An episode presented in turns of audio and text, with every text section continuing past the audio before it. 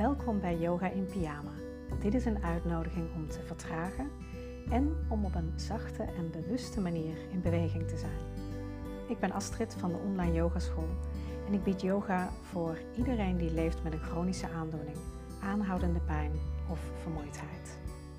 Fijn dat je er bent vandaag.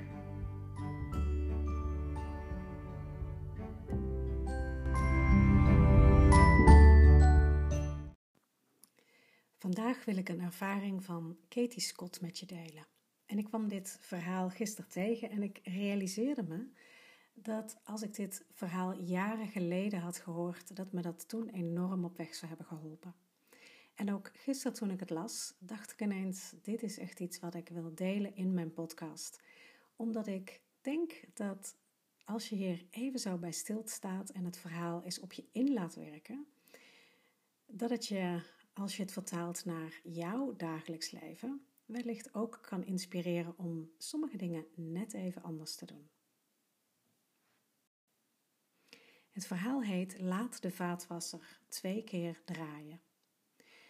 Toen ik op een van mijn mentale dieptepunten in het leven was, kon ik sommige dagen mijn bed niet uitkomen.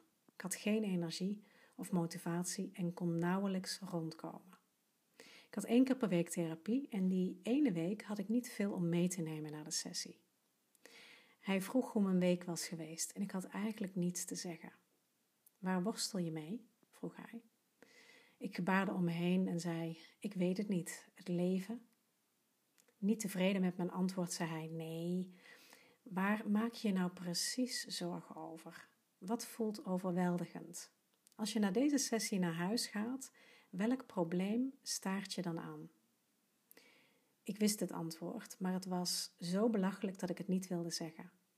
Ik wilde iets meer diepgaand, maar dat had ik niet. Dus ik zei hem eerlijk: de afwas. Het is zo stom, ik weet het, maar hoe meer ik er naar kijk, hoe meer ik ze niet kan doen.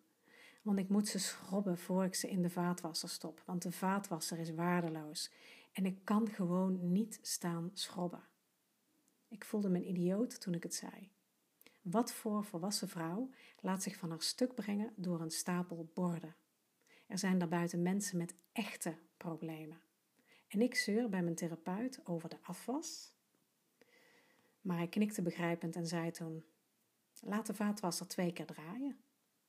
Ik begon hem te vertellen dat dat niet de bedoeling is, maar hij hield me tegen. Waarom zou je het niet doen? Als je de vaat niet wilt schrobben en je vaatwasser is waardeloos, laat hem dan twee keer draaien. Doe het drie keer, wat maakt het uit? Regels bestaan niet. Ik was verbaasd op een manier die ik denk ik niet goed kan uitleggen. Die dag ging ik naar huis, gooide mijn stinkende vaat lukraak in de vaatwasser en liet hem drie keer draaien.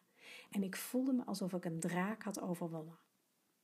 De volgende dag nam ik liggend een douche.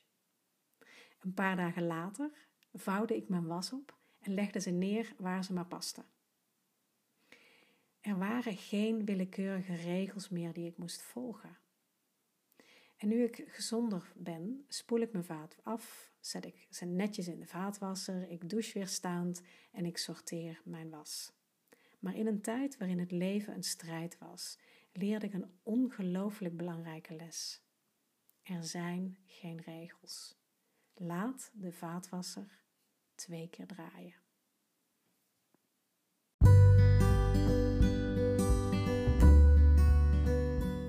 En als je nu nieuwsgierig bent geworden en gewoon eens uit wilt proberen hoe het is om thuis yoga te beoefenen op een plek die voor jou goed voelt. Dus dat betekent op een yogamat, op je bank, gewoon op de vloer of misschien op je bed dan heb ik iets leuks voor je. Op mijn website kun je gratis yoga oefeningen en meditaties vinden. Ga dan naar deonlineyogaschool.nl slash inspiratie om direct aan de slag te kunnen gaan. Ik wens je heel veel yoga plezier en heel graag tot bij een volgende aflevering.